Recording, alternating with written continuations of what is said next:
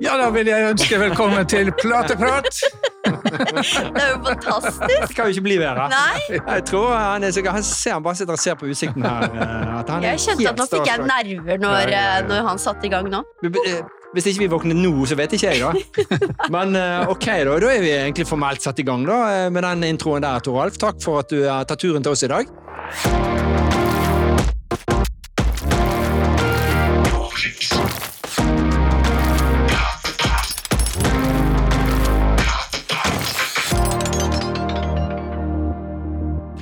Fortell eh, gjerne litt om deg selv, da. hvis ikke Anette vil skyte inn et par eh, Skyt inn noe, ja. Å, herregud. Jeg er jo eh, Star Trek, jeg nå. Jeg ser jo bare på CV-en til Toralf at han Her er det mye å ta tak i. Men jeg vil jo gjerne bare fortelle litt sånn hvem vi har her. Skal du fortelle mer? Men jeg vil gjerne ha en liten sånn intro her nå. Og fortelle da at vi har besøk av BIR, Norges største renoveringsfirma, og da har vi selvfølgelig fått en flott gjest på besøk. Han er forskning- og utviklingssjef i BIR.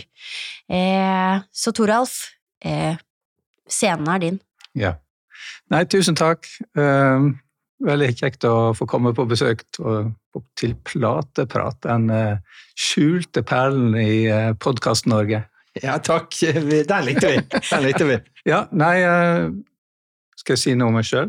Ja, vet du hva, for jeg, jeg, jeg, jeg skal gjerne snakke mer om deg altså, men eh, jeg vet at eh, her er det jo bare shoot on. Eh, Du har vært i BIR lenge, Mm. eh, og har jo mye ulike verv. Ja.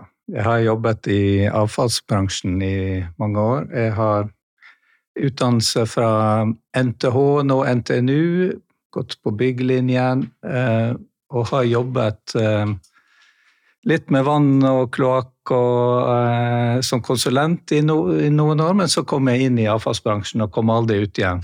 Eh, det er et veldig spennende område, faktisk. Det har utviklet seg eh, Nå har jeg vært der i må jeg tenke på, i 30 år. Mhm. Jobbet i 10 år før det, så jeg har jobbet i 40 år nå. Og det er Det har ikke vært én kjedelig dag i avfallsbransjen. Det kommer nye lover og regler og krav, og det har skjedd en utvikling internt i bransjen. Og det selskapet som jeg har jobbet i, eh, som jeg begynte i Bergen Renholdsverk, et etat i Bergen kommune, men så er det senere blitt gjort om til et interkommunalt aksjeselskap. Og det har skjedd en utvikling eh, som er helt utrolig. Både med hvordan eh, vi har ja, alle de kravene som er stilt, alle de eh, tjenestene vi har utviklet, etter, den ene etter den andre, og, og også innovasjoner som vi har gjort internt i selskapet. Og, og bransjen totalt sett eh, internasjonalt. Og da var det jo i sin tid eh, Det begynte jo egentlig å skje noe på vårt område når Torbjørn Berntsen ble eh, miljøvernminister. Jeg vet ikke om dere har sett eh, Gro ble miljøvernminister. Så jeg fikk hun høre at eh, dette er bare symbolsk Dette skal ikke være, gå, stå i veien for industriutviklingen. Mm. Men når Torbjørn Berntsen, den gamle platearbeideren fra Aker Mek, Sa du plate der? han var platearbeider. Han var plate. og vi- men det var ikke gipsplate. Det var ikke det, var, det var, nei, men han skulle vært med i Plateprat, han òg. Ja. Men eh, når han kom inn i, eh, i, um, eh, Miljøverndepartementet, og samtidig så kom, begynte faktisk kravene å komme fra Brussel. Mm. Det, det kom krav, og de vedtok eh, eh, noen sånne grunnlover for eh, avfallsbehandling, eh, altså et avfallsdirektiv i, eh, i Brussel. Og når han eh, tok tak i dette, så ble det innført Vi hadde jo ny, akkurat vedtatt en forurensningslov i Norge. Den kom i 1983. Før det så var det egentlig ikke noen lov som styrte dette med innsamling av avfall. Det var, det var, ikke, noe, det var ikke noe som het farlig avfall før den tid. Eller spesialavfall. Eh, og dermed så, eh, så ble det liksom Det begynte å bli litt mer eh, styring og kontroll på, eh, på dette med å håndtere avfall. Og han eh, vedtok at Eller det ble da vedtatt i, hans tid at eh, alle kommunene måtte lage avfallsplaner. Eh, alle kommunene måtte eh, begynne å, å jobbe for økt gjenvinning. Og det begynte å stilles krav til kommunene. Og Det førte til at alle kommunene gikk sammen i interkommunale selskap. Nesten alle. Det er jo noen få enkeltkommuner igjen som, eh, som driver i, eh, som enkeltkommuner. Men de, veldig mange små kommuner de fant at dette blir for komplisert. Så mange steder, og, og i vårt område så det, eh, gikk Bergen sammen med mange kommuner rundt og ble etablerte det som nå heter. Da. Mm. Men det, dette var noe som skjedde pga. kravene som kom. da. Mm. Og dette har bare fortsatt. Mm. Det har, det, har, skjedd eh, både digitalisering, og det har skjedd eh, utvikling av gebyrsystemene, og det har skjedd eh, på, på, alle mulige områder. Mm -hmm. Men i dag skal vi jo ikke snakke om alt. Vi skal snakke om litt mer om gjenvinning av materialer, kanskje. Ja. Vi har jo plukket opp navnet ditt gjennom Emilie, kollegaen deg Emilie Larsen på kontoret. da eh, som har sendt oss videre til oss, og så har jeg fått en sånn uh, slide her. Eh, Bossets tidslinje. Ja, Nei, ja. Det, det er sikkert du som har laget den nå, kanskje? Ja, vi... Du har vært med på det, i hvert fall? Jeg har også vært med på det, ja. Og jeg har jo skjønt at du er en sånn entusiastisk, levende Wikipedia som går rundt på birbygget og sprer det gode ja. budskapet om sirkulær økonomi og hvorfor vi driver med det vi Og det er jo kjempe, det er jo akkurat sånn vi liker det. Men jeg har et spørsmål til tidslinjen her, da. Den første offentlige renovatøren ansatt i Bergen i 1839, sant? Det var ikke deg?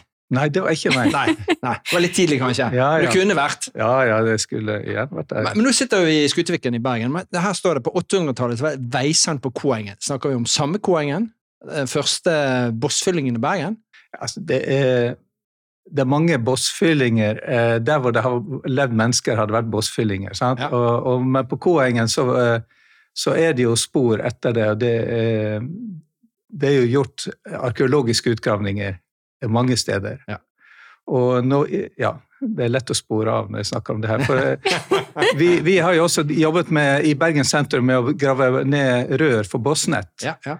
Og det er jo en eneste lang eh, ja, dialog da, med arkeologene.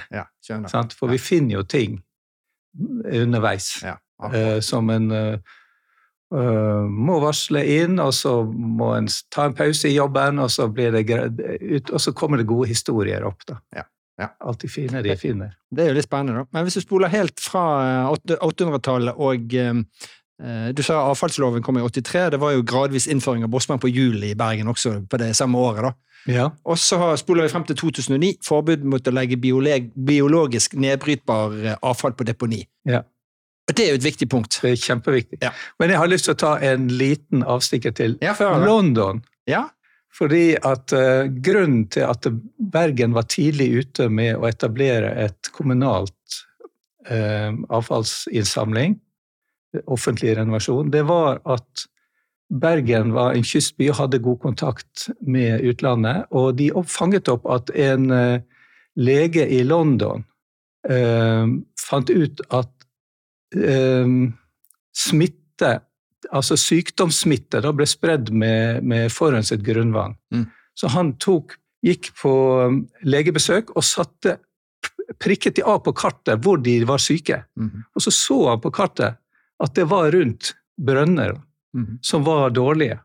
Og uh, det var opprinnelsen til både det vi kaller for epidemi epidemiologi, og det var opprinnelsen til at den startet med offentlige vannverk og med offentlig renovasjon. Ja.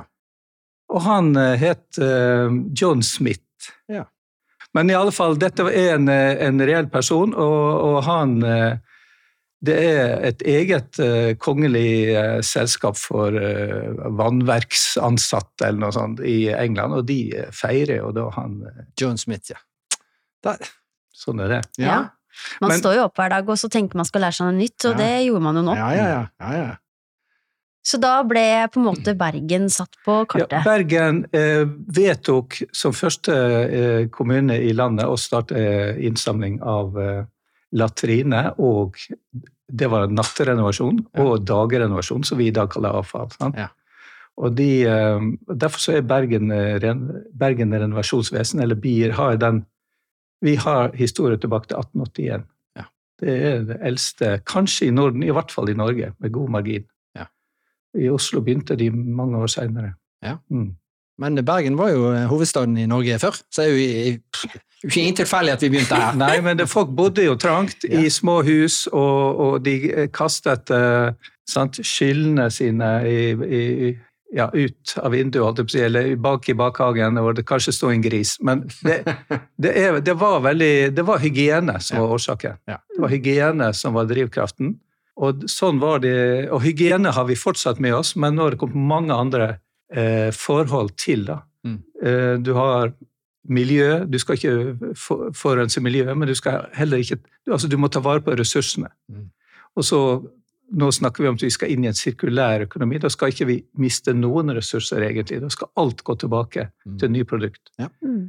Men vi må også ivareta miljø, og vi må også ivareta hygieneaspektet. Mm, mm, mm. Eh, så det, de her ulike kravene kommer bare oppå hverandre. Det er jo derfor vi er her i dag. Ja. og så glemte jeg å nevne klima. Da. Det er jo også blitt ja, ja, en veldig, veldig stor sak som, som, også er krav til oss nå. Ja, det har jo kommet disse EU-kravene som gjør eh, innenfor hver eneste bransje, så er det jo alle må jo på en måte gjøre noe for denne kloden vår. Mm. Eh, og vi har jo på en måte Jeg ser jo at du jobber jo litt med her med sirkulærøkonomi og sånne ting. Det er jo på en måte et ord som vi har vært eh, mye borti nå i siste, med tanke på at vi vi skal også gjøre noe, siden vi har jo vårt eh, evig gjenvinnbart eh, produkt, eh, gips, som Ja, jeg tenker sånn Jeg tror vel egentlig at etter jern og metall så kommer vel gips ganske høyt opp på listen etter det. Og da settes det jo krav for oss at vi også skal gjøre ting, men vi klarer ikke å gjøre ting alene. Og derfor så kommer sirkulærøkonomien ganske sentralt inn her. Mm.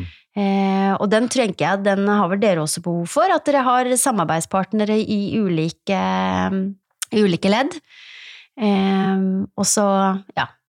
Jeg tenker at eh, Og da kommer jeg som sagt mm. eh, litt sånn inn på det. Altså, vi må jo snakke om gipsen vår, da. Hva den eh, gjør, og hvordan den håndteres hos Toralf. Ja. Eh, kan du fortelle oss noe? artig rundt gipsen vår? Jeg har jo sagt at dere selger jo gips som et produkt. Mm. Som mange produkt, mange ulike produkt. Men det vi mottar, er jo ofte et materiale. Mm. Vi mottar gips som et materiale. Vi ser på det som et materiale. Og fordi eh, det går jo inn i våre, vår behandlingsanlegg. Eh, og, og, da merker vi hvilke egenskaper det materialet har. Mm. Og det som mange Det er ikke alle som er klar over hva gips er laget av.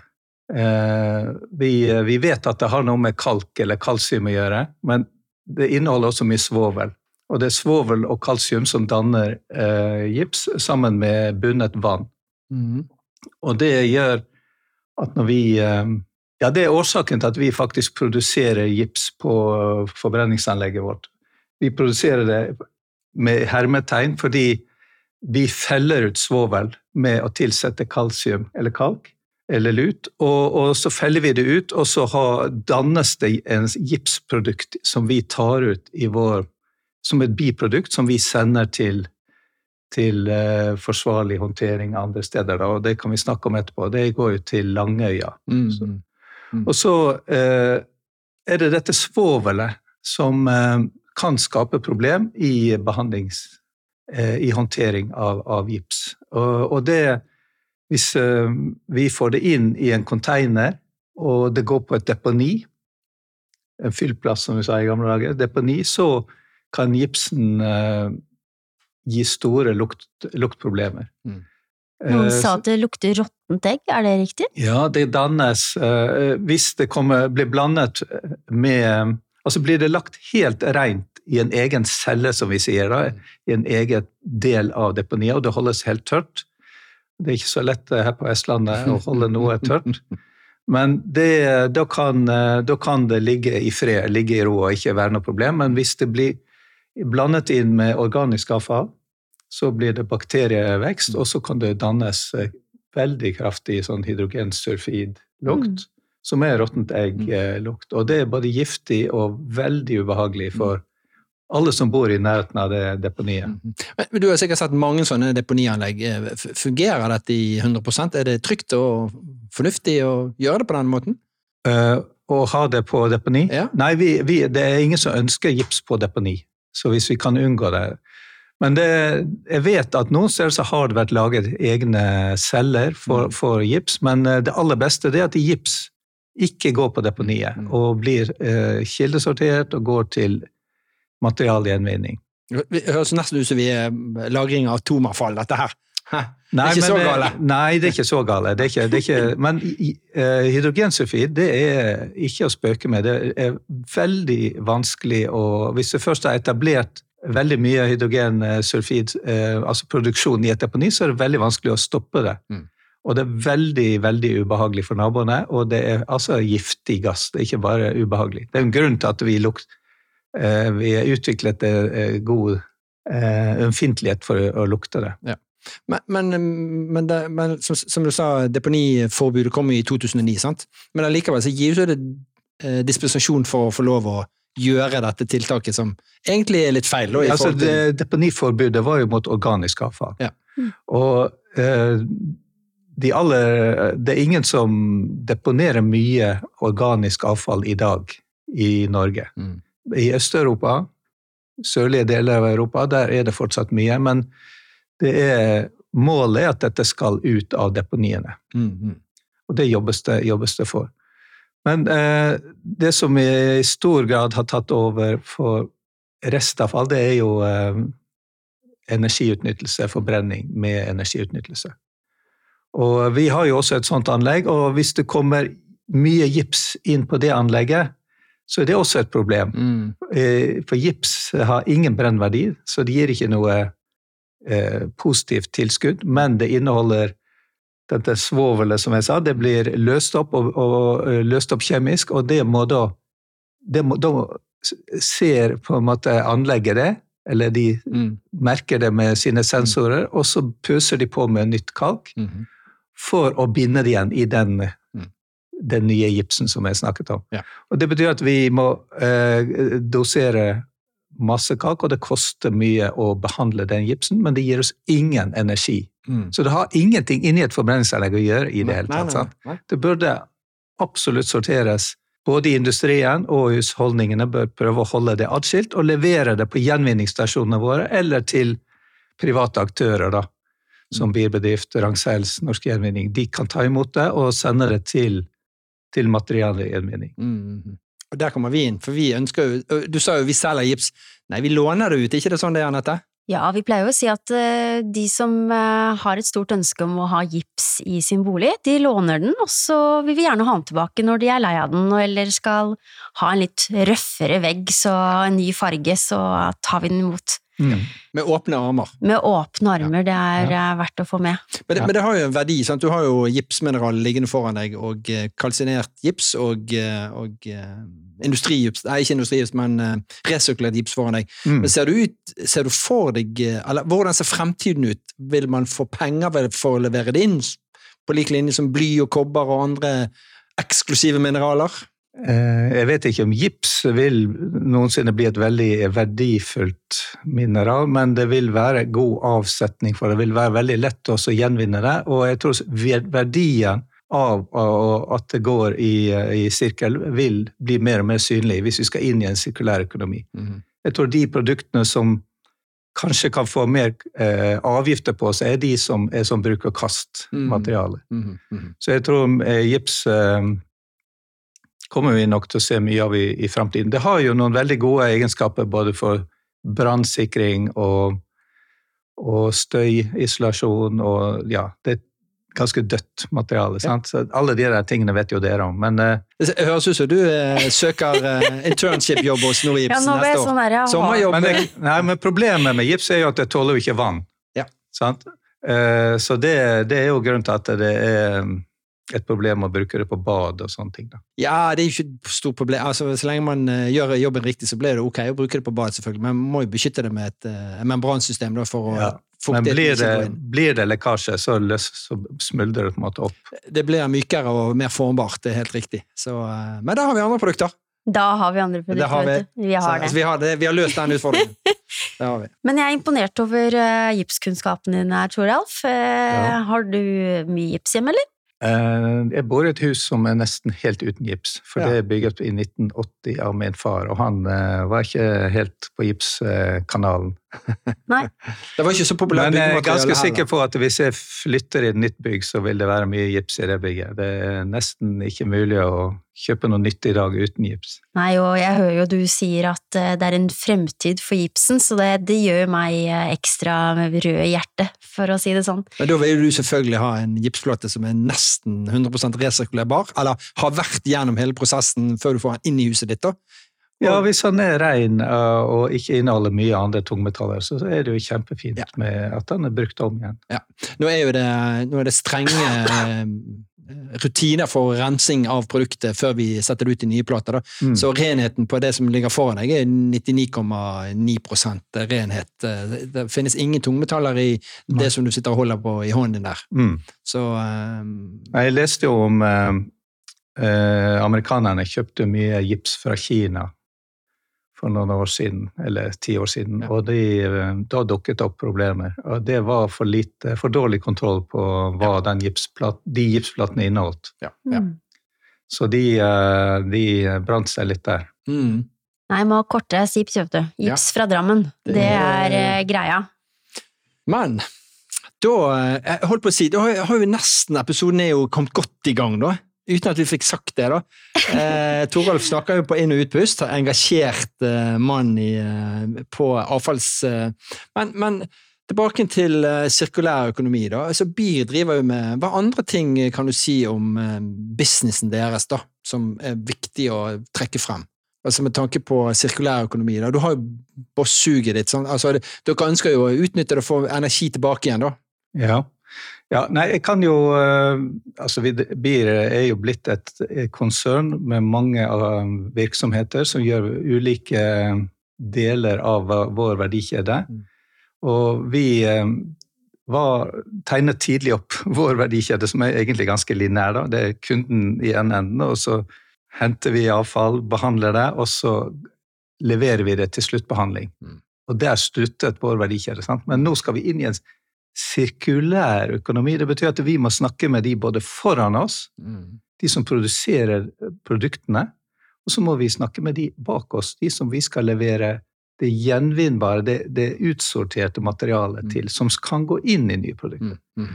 Og, og dette er jo ekstremt krevende. Eh, Det er lett å tegne opp sånne sirkler på en tavle, og det har vi gjort mange ganger. Veldig flink å tegne. sånne.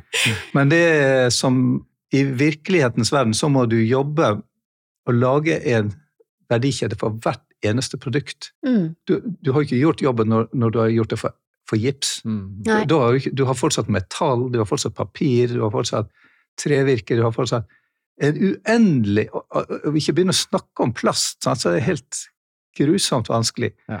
Så, så det, det er det å lage en, en komplett sirkulær økonomi, det er jo å få til mange sånne sirkler. Sant? Mm. Mm. Og det er, det er ingen som kan gjøre dette alene, som du sa vel det i sted. Sant? At det, eh, dette er teamarbeid på tvers av bransjer, på tvers av eh, bedrifter, på tvers av landegrenser. Mm. Det er veldig, veldig stort arbeid. Men eh, EU har jo på en måte sagt at det er dit vi skal. Mm. Vi må dit, fordi at alternativet er at vi eh, ja, går tom for at Europa taper konkurransen mot Asia eller Mm. USA. Det er én ting. Vi må skape nye arbeidsplasser. Vi må, vi må eh, rett og slett ta vare på det, det, den naturen vi har, og hindre at vi får mer problemer både med klima og Mm. Mm. materialtilgang. Er det noen materialtyper som har kommet lenger i den sirkulære økonomien enn uh... Jeg vil jo si at metaller de, er- de er kommet langt. sant? Ja, ja. Gips eh, er helt sikkert eh, blant de bedre. Ja. Eh, Og det er også blant de enklere. sant? Det er mye vanskelig med de eh, biologiske materialene. mm. eh, Av mange grunner, fordi de kan brytes ned underveis. Mm. Sant? De kan råtne, mugne osv. De, de har en enormt komplisert eh, regelverk Mm. knytta til seg. Veterinærregelverk eh, eh, av hensyn til dyr og dyrevelferd, men også menneskehelse og, og skade på miljøet. Så det er, altså det, det er forskjell på hvor vanskelig det er å lage disse eh, sirkulære verdikjedene, som vi pleier å si. Mm. Mm. Men det, vi, vi jobber med I hele bransjen jobber jo med å få til dette. Eh, og, eller det er jo ikke avfallsbransjen som løser dette alene, men vi sitter liksom litt midt oppi det. Mm. For det, det, er slutt på det at vi tror at avfallsbransjen kan løse miljøproblemene. For avfallsbransjen må bare spille på lag med mange andre bransjer for ja. å få til en sirkulær økonomi. Mm. Mm. Eh, ta, um, du, du, har gitt oss et tall hvor mye dere henter inn fra avfallsstasjonene deres av VIPS. da. Og, um, og vi, eh, vi, regner med at vi lander 43 000 tonn i år, da, i 2023. Da. Men fremdeles ligger det et, ehm, et eh, potensial der ute til ytterligere 50 000 tonn. Da. Og det er jo liksom hvordan skal vi få det tilbake igjen til fabrikken vår? Ja. For det, det, er jo en, er en råvare, som, som, du nettopp sier, skal inn i dette sirkulære hjulet vårt. Ja, og hvordan får vi Altså, det, det har jo vi jobbet med i alle år. Sant? Hvordan endrer vi folks atferd? Mm. Altså, de vedtar en lov. Mm. Nå skal dette skje. Dette, nå er det forbudt. Nå må vi gjøre endre. Men så skal vi da Ja, så kan vi sette ut en dunk utenfor huset til folk, og så, og så legger vi en brosjyre i postkassen. Ja. Det holder ikke, det? Det hjelper for noen, ja, ja, men ikke for alle. Det hjelper noen. og, og, og, det der med å endre atferd, det, det, er veldig veldig krevende og omfattende. Og når du i tillegg skal få bedrifter til å begynne å samarbeide mm og, og, så, så det er tunge prosesser og tar lang tid. Men vi må bevege oss den veien. Ja, Men så tenker jeg også i forhold til at det settes jo de kravene som det gjøres nå, eh, mm. til uh, uansett hvor du bor så møter man jo litt den der miljøprofilen også når man er på jobb. Uansett mm. hvor man jobber, så har man fått et sånn krav til seg at man skal ha en miljøprofil. Og så er det noe i, ja, som du sier, i forhold til hvordan vi, eh, vi håndterer avfall og etc. når vi er hjemme som privatmennesker. Mm. Men nå er jo på en måte, jeg føler at den miljøprofilen den på en måte hjemsøker deg uansett hvilken sted man er, da. Eh, og jeg håper jo, jeg vet ikke om du ser det liksom sånn på tallene og litt sånn atferdsmessig, at, at, det er litt høyere ta, Altså tallene beveger seg litt raskere nå enn de har gjort tidligere. At vi er litt mer fokusert på det her med miljøprofil og miljø. Ja, jeg håper jo det at det går fort eh, nå eh, framover, men eh, det har en tendens til at det går fort i begynnelsen, og så flater det ut, men så bør det egentlig opp et nivå til. sant? Og da må vi til med nye tiltak, nye Og vi Ja, jeg, jeg fortalte jo det, du begynner med tilrettelegging. sant? Du mm. setter en dunk utenfor huset til folk, og så legger du en brosjyre i postkassen. Men så, ja, hva, hva, mer kan du gjøre da? Ja, så har vi gitt eh, innført et eh, gebyr hvor du får insentiver. Det er lønnsomt å, å sortere. Mm. Det, det, koster mer å levere mye restavfall enn lite restavfall. Mm. Ja, så gir det et lite. Og så gir hva, hva mer kan du gjøre? Altså, mm. Kan du begynne å, å, å bruke sånn dulting eh, Ja, men sånn eh, altså, na, se, se, hva naboen din gjør, eller, ja, ja. eller, gjør som alle andre Eller ni av ti nordmenn sorterer. Altså den type ja. psykologisk. Det, vi, eh, det er vi med i forskningsprosjekt med Handelshøyskolen. For å se forholdet mellom økonomisk insentiv og dulting.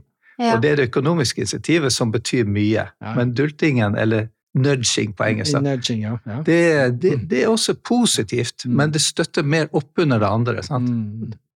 Så, så, å jobbe også med denne type eh, modeller da, mm. er, er, viktig i framtiden. For vi må ha folk med oss. Mm. Du kan ikke bare komme med en pekefinger og si at eh, ja, det er en form for nudging der, og si at ja, vi, vi, skal grave gjennom restavfallet ditt og se hva du har gjort. Så, ja, ja, ja. så en slags trussel. Det er neste steg. Ja, Men det er ikke det som vil løse eh, problemet. Det er og folk, Du må få dem med på en positiv ja. måte. Ja. Og så er det noe med det der som jeg hører med en gang når du sitter og snakker litt om Og da tenker jeg ja, åssen er jeg når jeg går og kaster ting, og når søppelbilen kommer mm. og sånn. Og det er liksom de der hverdagsproblemstillingene, og så det der å kaste inn litt humor, da.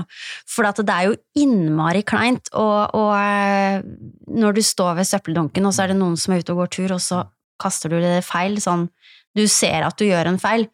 Det er jo sånn automatisk da, at du drar det litt Å, jeg må legge det her. Mm. Så, så det, det, er jo noe litt sånn som vi holder på i byggebransjen også, det der å på en måte ikke fortelle noen at de gjør feil, men det der å på en måte spille litt med humor, da. Så jeg mm. tenker at Toralf, du kan gå tilbake til markedsavdelingen din og så skal si at vet du hva, Vi skal få flere til å gjøre riktig, og så mm. spiller vi litt på humor.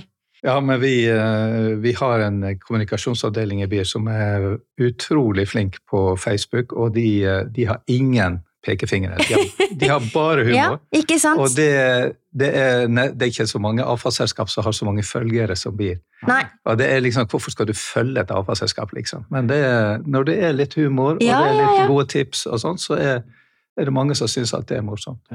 Det er eh, spot on, det. Spot on. Vi hadde ikke sagt det, nei. Ding, ding. Ja, jeg fikk den, uh, vi er så glad Hvor mange greier vi sier spot on på en episode, vet du. Så nå kan du få bruke det så mye du vil. Ja. Men, men, det er jo, uh, hvis vi tar tilbake Vi har jo en herlig giftplate som, vi, uh, som er gips, skrufast og robust. da. Og det går jo litt på det som du nevnte i sted. Gips er jo fantastisk på brann- og lydegenskaper. Og så har du den dultingen og atferdsendringen som vi jobber med hver eneste dag med tanke på å redusere antall platelag når man skal bygge en vegg mellom to soverom, for eksempel. Eh, og arkitekter og beskrivende de må jo forholde seg til spesifikasjonskrav med brann- og lydverdier mellom rommene. Eh, og bransjen er litt eh, konservativ, litt trege, så hvorfor bruke fire lag gips på en vegg når du kan bruke to lag gips? Altså redusere 50 av mengden gips i en vegg, oppnå de samme brann- og lydverdiene, og den utførende biten også innoverer på at han gjør jobben 50 raskere. Mm. Men det sitter langt inne få de forstå. Det er bevegelse i markedet, men det kunne gått mye fortere, mm. tenker vi da. Så ja. Eh, det er igjen på den atferdsendringen som vi òg driver med for å redusere antall gips som blir brukt hvert år, og nudging. Ja. Ja. så vi må Spot on, det. Spot on, vet du. Ja. nå, er vi, nå, er vi, på en reise. Nå er vi på en reise, yes. vet du. Du, du merket at du ble engasjert nå? Ja, jeg, det tok seg opp nå? Ja, nå, nå begynner pulsen å gå opp der borte. ja, ja. Men jeg skjønner jo at, Toralf, at du har den lange fartstiden i denne bransjen som du har, eh, med tanke på at vi, eh, du jobber innenfor forskning og innovasjon. Mm. Eh, og det sier seg selv at i din, den bransjen du har vært nå i 30 år, så har det vært mye innovasjon, og det mm. har vært mye forskning for å på en måte kanskje få til disse innovasjonene. Og jeg har skjønt det at innovasjon det er litt sånn å løse et problem. Og så er det med en løsning som ikke er fullt ut godt Altså den er ikke kjent, godt nok kjent på forhånd, men også skal man være litt tålmodig og litt sånne ting når man kommer med, med nye løsninger som man tenker skal hjelpe markedet bedre. Har du hatt noen sånne store sånne innovasjonsting som du ønsker å dra frem her? For jeg syns jo det er veldig kult at du, mye av tiden din går til innovasjon. Eh, de store lykkeboblene når, du, eh, nevner, når jeg nevner disse ordene her? Eh, jeg syns det er en veldig spennende jobb i innovasjon, og det er, ja, det er jo litt vanskelig å definere Altså den definisjonen av innovasjon som jeg liker best, den, det er den enkle at det som er nytt og nyttiggjort. Mm. Det er ikke bare at det er en god idé, men det er at det blir faktisk tatt i bruk. Ja. Mm. Uh, og i BIR så har vi uh, vært veldig flinke å drive utvikling. Sant? Vi utvikler det vi har allerede, men i noen tilfeller så faktisk så finner vi på noe helt nytt utenfor. Og det har vi gjort eh, ja, Vi har noen eksempler på eh, digitale løsninger som er utviklet på vår IT-avdeling, men som var så gode at andre kom og spurte om de kunne kjøpe det. Mm -hmm. Og så ble det egentlig spunnet ut til å, videreutviklet som et, selskap utenfor BIR, sammen med private partnere. Okay. Så, så, det har vi gjort.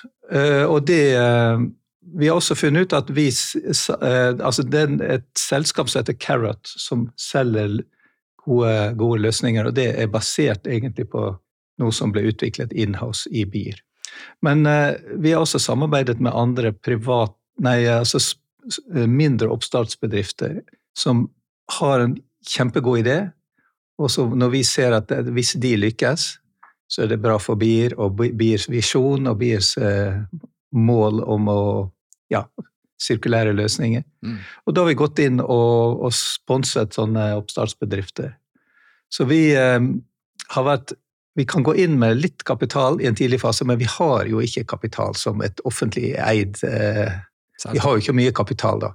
Så vi kan aldri være den som følger det helt i mål med kapitalmessig, men vi kan være med og støtte med både avfallstyper, eh, kompetanse, vi kan sitte i styrer og, og sånne ting. Da. Mm.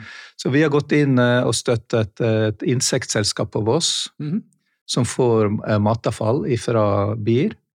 Og målet der er å utvide de, Vi gir dem matavfall og fôrer en insektlarve. Så er den en insektlarve det er en proteinbombe ja. som er fantastisk til fôr, til laks, kylling mm.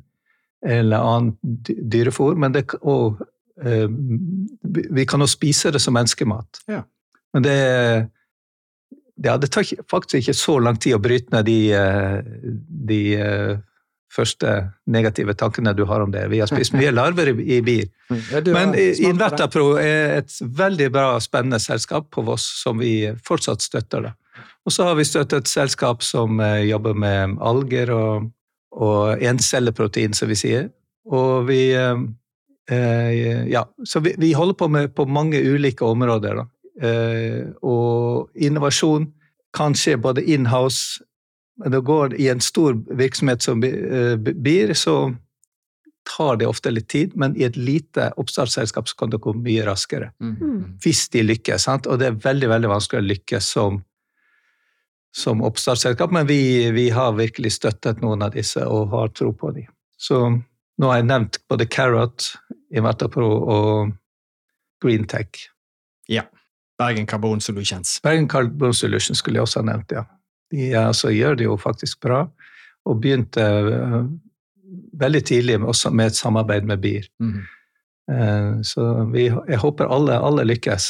Det er bra for verden. Alle sammen har veldig gode ideer. da. Hva tenker du om uh, gipsbransjen, altså Norgips? Si noe som vi bør ta tak i, da.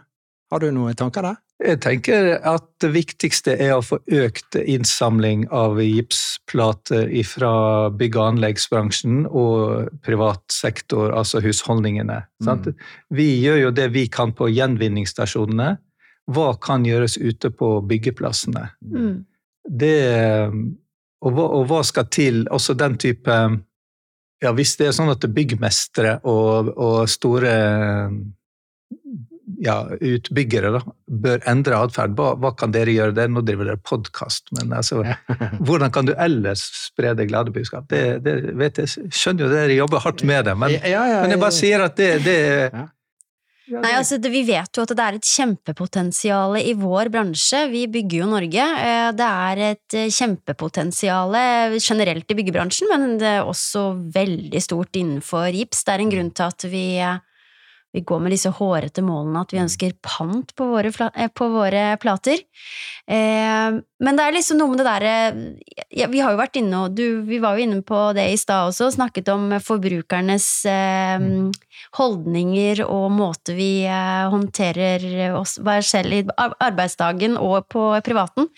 Så jeg tror jo på en måte du er inne på noe der, Toralf, at vi må gå inn og tenke hvordan er det vi kan prøve å påvirke ja, folk i arbeidsdagen, da. Eh, mm. Men det skal på en måte Det som er så eh, Kanskje litt sånn eh, Flaskehalsen her er på en måte at det skal være så enkelt også. Mm. Det er det som på en måte får deg noen ganger til å stoppe og tenke litt at det, ah, det skal jo være enkelt. Og så skal det ikke koste så mye, og så skal du helst ikke sette inn noen ekstra ressurser. Men det skal være så utgangspunkt i de tingene man har, da. Ehm, så vi, vi, vi, tenker mye på hvordan vi skal få mer gips inn til fabrikken vår. Eh, vi, ja, vi er i hvert fall ikke interessert i at det kommer inn på verken deponi eller forbrenning, sant? som er egentlig alternativet. Hva skjer hva, når du sier det, da? Hva, hva Altså Hvis eh, folk eh, på en måte knuser ned en gipsplate sånn at den blir nesten til støv, mm så vil den ligge i bunnen på konteineren, og ingen kan se det når den konteineren tømmes inn i et anlegg. Men i det øyeblikket det løftes eh, og inn i forbrenningsovnen, mm. så, jo, eh, så, slår jo målerne ut på svovel med mm. en gang. Det er et enormt utslag. Mm. Så vi er ikke i tvil om at det kommer masse gips inn, men det, vi kan ikke stå i porten og stoppe det. Mm. Og vi gjør ikke det heller. Vi står ikke og graver i konteinerne. Så den sorteringen må skje før det kommer til oss. Ja.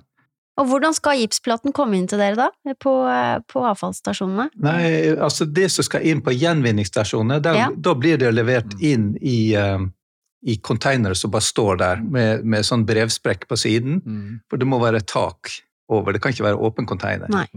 Så, og de, det er jo folk uh, flest som leverer sjøl, og de altså, Her står det 'gips leveres her', yes. og så går de dit. Ja. Det gjør de jo helt fint.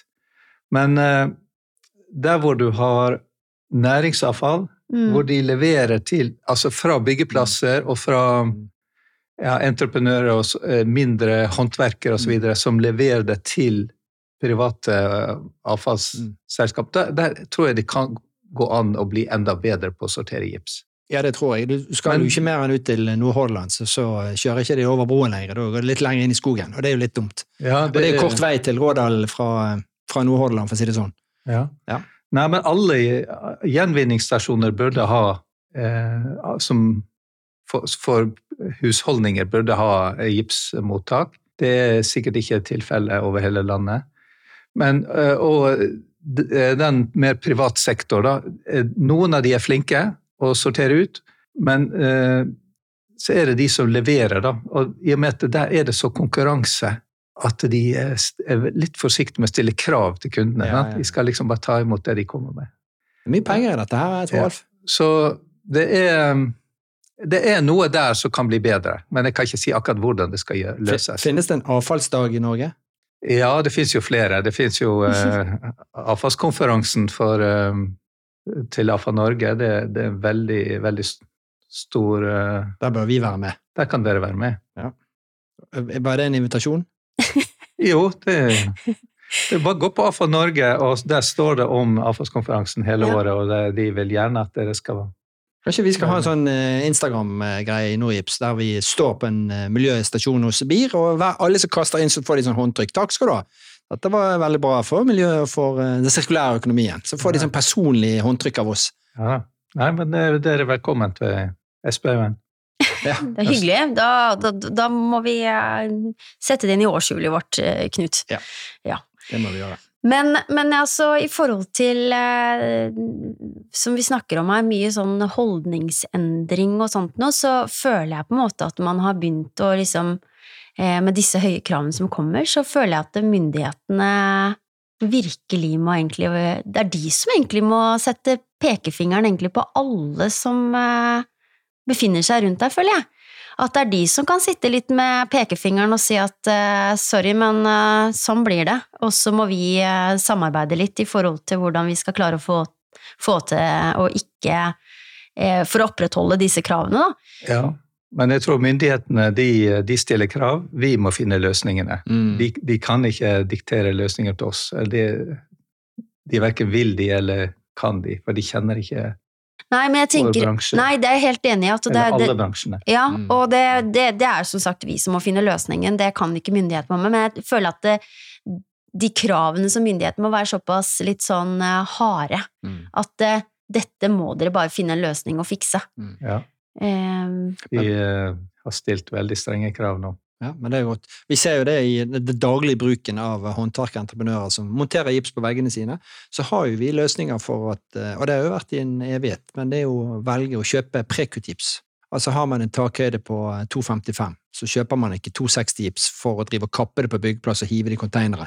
Når vi kan produsere på 2,55, da vil man redusere forbruket gips på byggene med 20-30 da.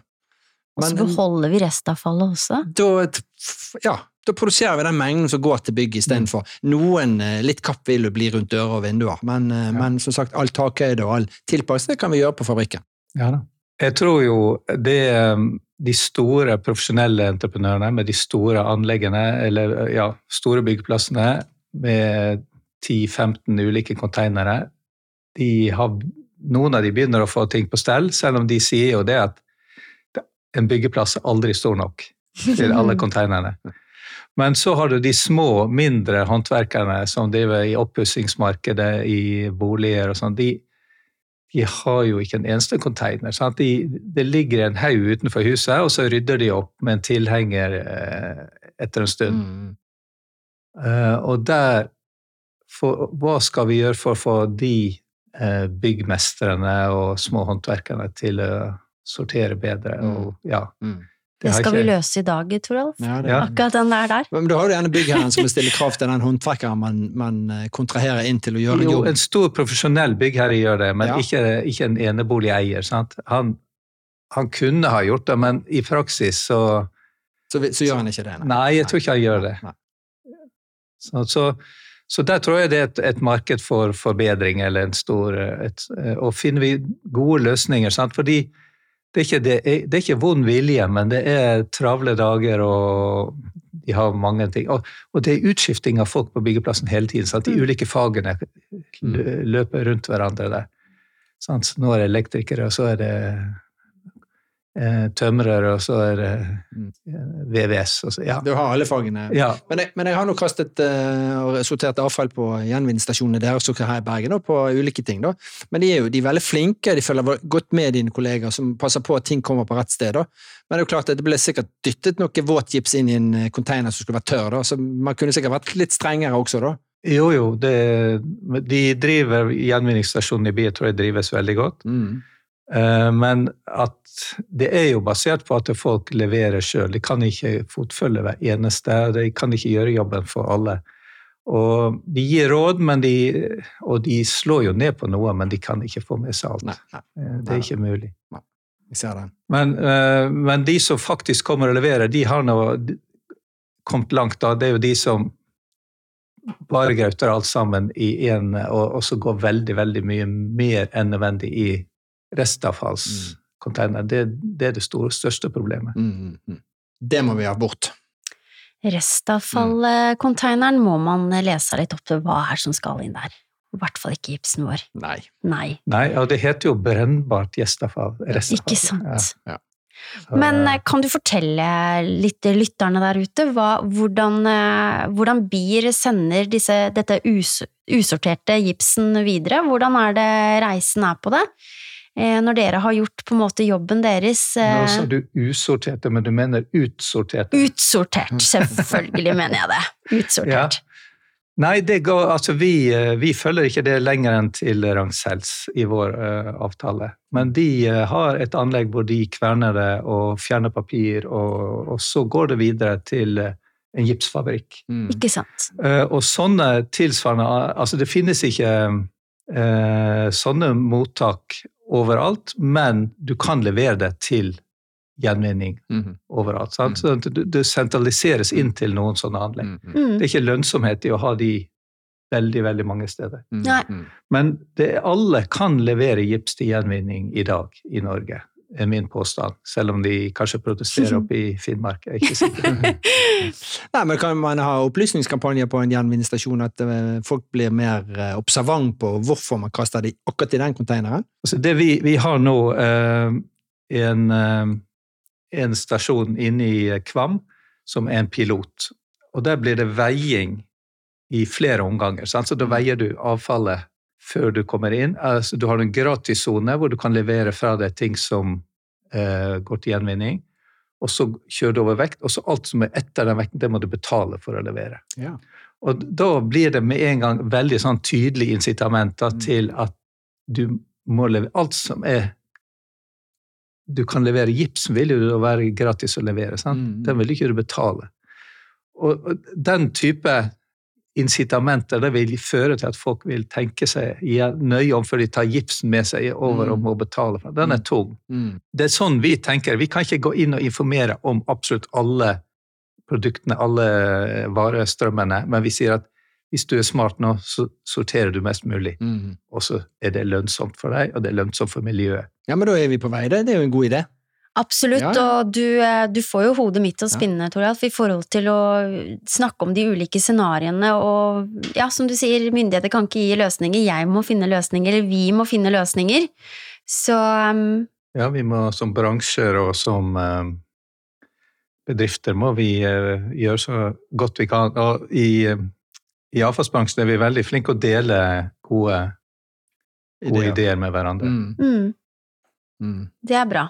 Det liker vi. Ja, Har dere direkte kontakt med slike som oss? Eh, gipsplateprodusenter? Sånn brainstorming? nudging? Ja, vi, vi har hatt, uh, tatt kontakt med ulike uh, selskap som er etter oss i verdikjeden og før oss i verdikjeden, som jeg snakket om, for ja. å få til sirkulære verdikjeder. Ja. Og det, det begynte vi med for noen år siden, for det var helt fremmed for oss tidligere. Mm. Men vi, når vi begynte å snakke om hva betyr egentlig sirkulær økonomi, mm. og vi hadde styreseminarer og vi hadde strategisamlinger og sånn, da ble det veldig klart for oss at vi må snakke med alle. Med alle og mm. nå jobber vi på Voss for å etablere en, en sånn um, biopark, hvor vi skal altså vi bygger et biogassanlegg, og så skal vi ha insektfabrikken til Inverta Pro ved siden av, og så skal vi ha mange andre eh, aktiviteter som kan henge sammen. Da. Mm. Uh, og da kan vi utveksle biprodukter og spillvarme og CO2 og hva det måtte være, mellom selskapene. Mm. Så da prøver vi å få til en liten sånn symbiose der oppe, da, sånn mm. vi kaller industriell symbiose. Så det er eh, tanker og prosjekter vi jobber med helt konkret nå. Mm. Mm. Eh, som tar mye tid. Det er ingen quick fix, men det er den måten vi må jobbe på i, i framtiden. Mm. Eh, framtidens industriområde kan ikke være sånn som i dag, hvor helt tilfeldige bedrifter settes ved siden av hverandre. Mm. I framtiden så må du tenke at eh, det som denne her bedriften har av overskuddsvarme, det må noen andre bruke. Du kan mm. ikke bare slippe ut til kråkene. Og, og, tilsvarende, hvis en, en, har overskudd av CO2, ja, så kan det være et bidrag til en som skal dyrke planter. For plantene trenger CO2. Mm. Eller hvis du, ja, så videre. Sånn, mm. sånn må du tenke. Ja. Og det, det, trenger vi lang tid på å omstille oss, sant? før vi eh, kommunene regulere industriområdet og si at du kan ikke ha en bilselger, eh, Teigland eller eh, Møller eller hva det heter, kan ikke ligge midt inne i dette industriområdet her. For at de skal selge biler, de skal ikke bruke eller produsere spillvarme. Ja. Mm, mm, mm. De må ligge et annet sted. Ja. Ja. De skal også ha sin plass, det er ikke det, men, eh, men ikke inn i den type områder. da. Nei. Nei, det er interessante bilder man får i hodet sitt. Eh, det er i hvert fall mye å ta tak i her, da, med tanke på uh, hvordan vi som forbrukere skal uh, agere i forhold mm. til uh, den fremtidige sirkulære økonomien selvfølgelig, og miljøet totalt sett. Mm. Vi, er du flink til å sirkulere, holdt på å si, ikke sirkulere, sirkulerer du mye på kontoret? Eller holdt på å si, driver du med hjemme? Du, vet du hva, jeg har Avfallshåndtering hjemme? Ja, vi har jo noe, men vi har en lang vei å gå. Altså, jeg skal ikke si åssen kommune jeg tilhører, eh, det skal jeg ikke gjøre. Altså, men vi, vi, er i gang. Eh, mm. Matavfall, eh, papir, papp, metall, restavfall. Ja. Nei, men vi har alle blitt uh, flinkere. Sant? fordi alle disse ordningene er jo innført gradvis. Mm. Litt etter litt. Og mm. så blir vi, blir vi uh, tar vi uh, ja, litt sånn nølende i begynnelsen, og så prøver vi oss litt fram. Ja. Så, ja. så det er jo ikke sånn at folk endrer atferd veldig raskt. Men alle, de aller, aller fleste blir med, og alle er positive og skjønner hvorfor vi skal gjøre det. Mm. Men med de kravene som kommer nå Altså, vi sorterer jo langt ifra så godt det avfallet vi har i Norge, som det kreves av oss i løpet av noen tiår.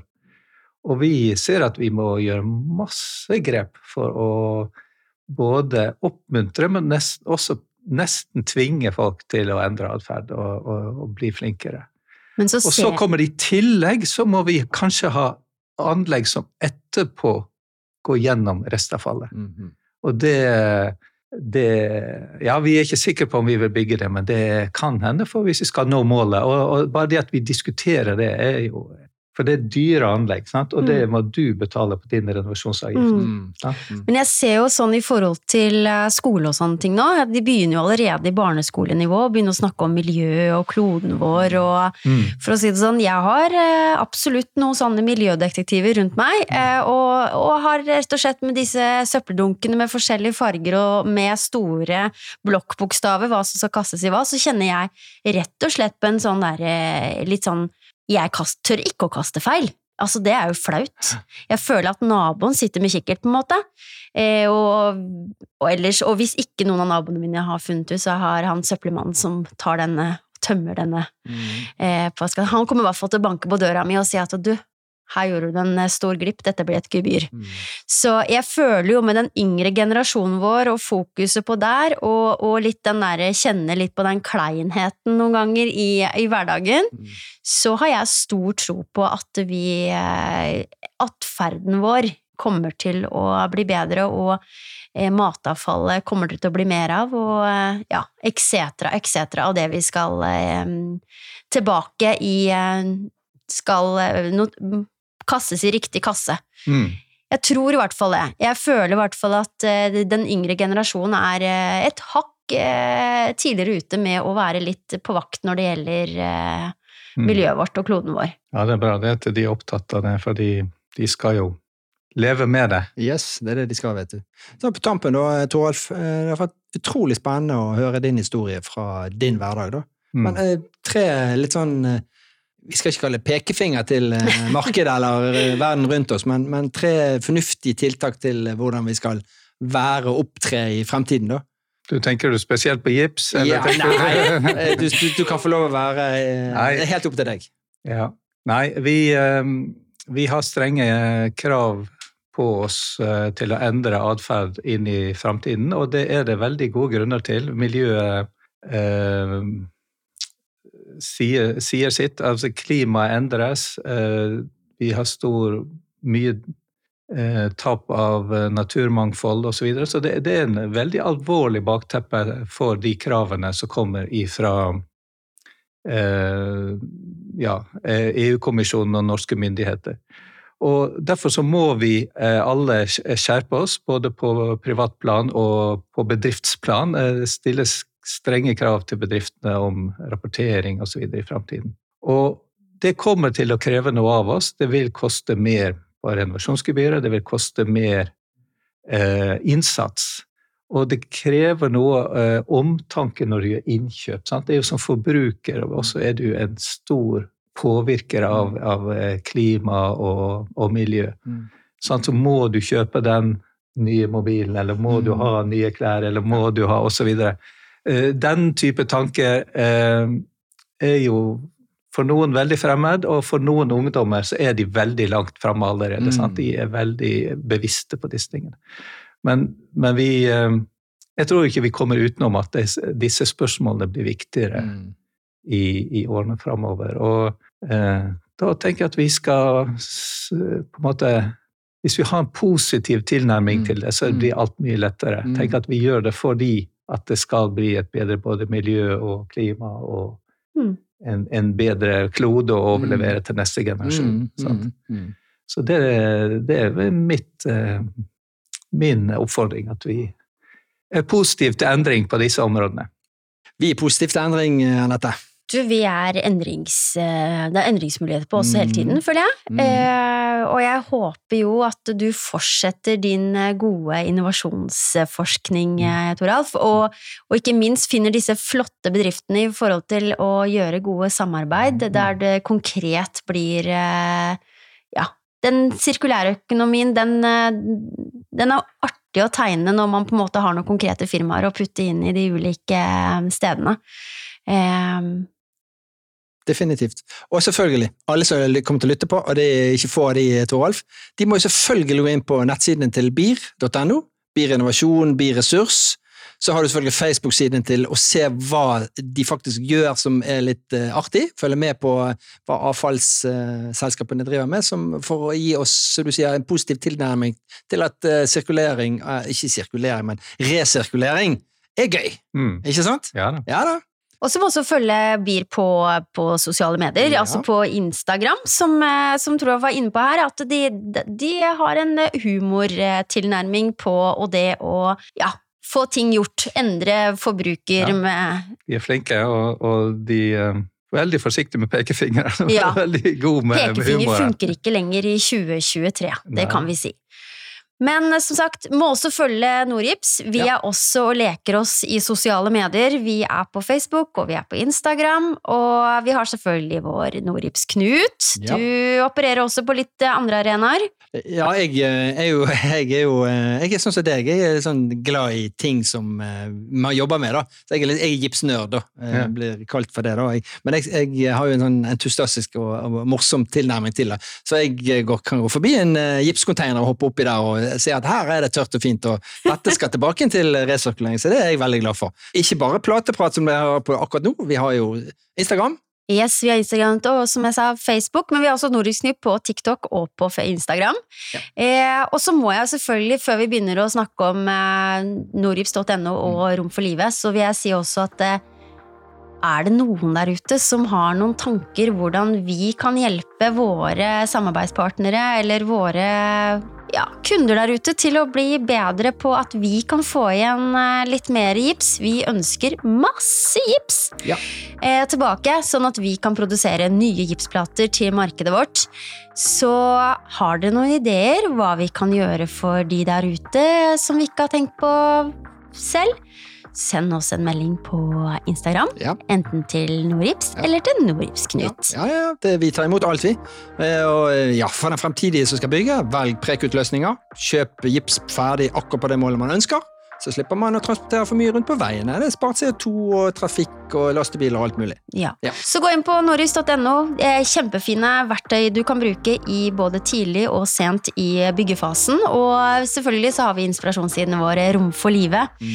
Ja, digge sider med mye gode, gode inspirasjonsmuligheter for at du skal bygge denne boligen som skal vare i mange år frem i tid. Ja, og da har jo vi eh, Torald fikk jo få lov å starte denne herlige episoden. Så skal du få lov å si, eh, du skal få lov å si de siste ordene. Ja, nei eh, Med de siste ordene i plateprat, det må jo være Nei, nå ble Jeg starstruck her. Han, han satt og så på utsikten. Jeg sitter og ser på utsikten her. Jeg må bare si at det, den dagen her så er det veldig fint vær i Bergen, og vi ser utover eh, heter Sandviksflaket, heter det. Yes, det heter det. Så bakteppet for episoden var pent vær. Pent vær. Og jeg sier bare for siste gang, ja. Gips er Ja, digg. Yes. Takk skal du ha for at du kom i dag, Toralf. Det har vært en fryd å eh, få det fra eh, en som kan dette med avfallshåndtering. Takk skal du ha. Ja, Tusen tusen takk. takk for invitasjonen, og takk for meg. Tusen takk skal du ha.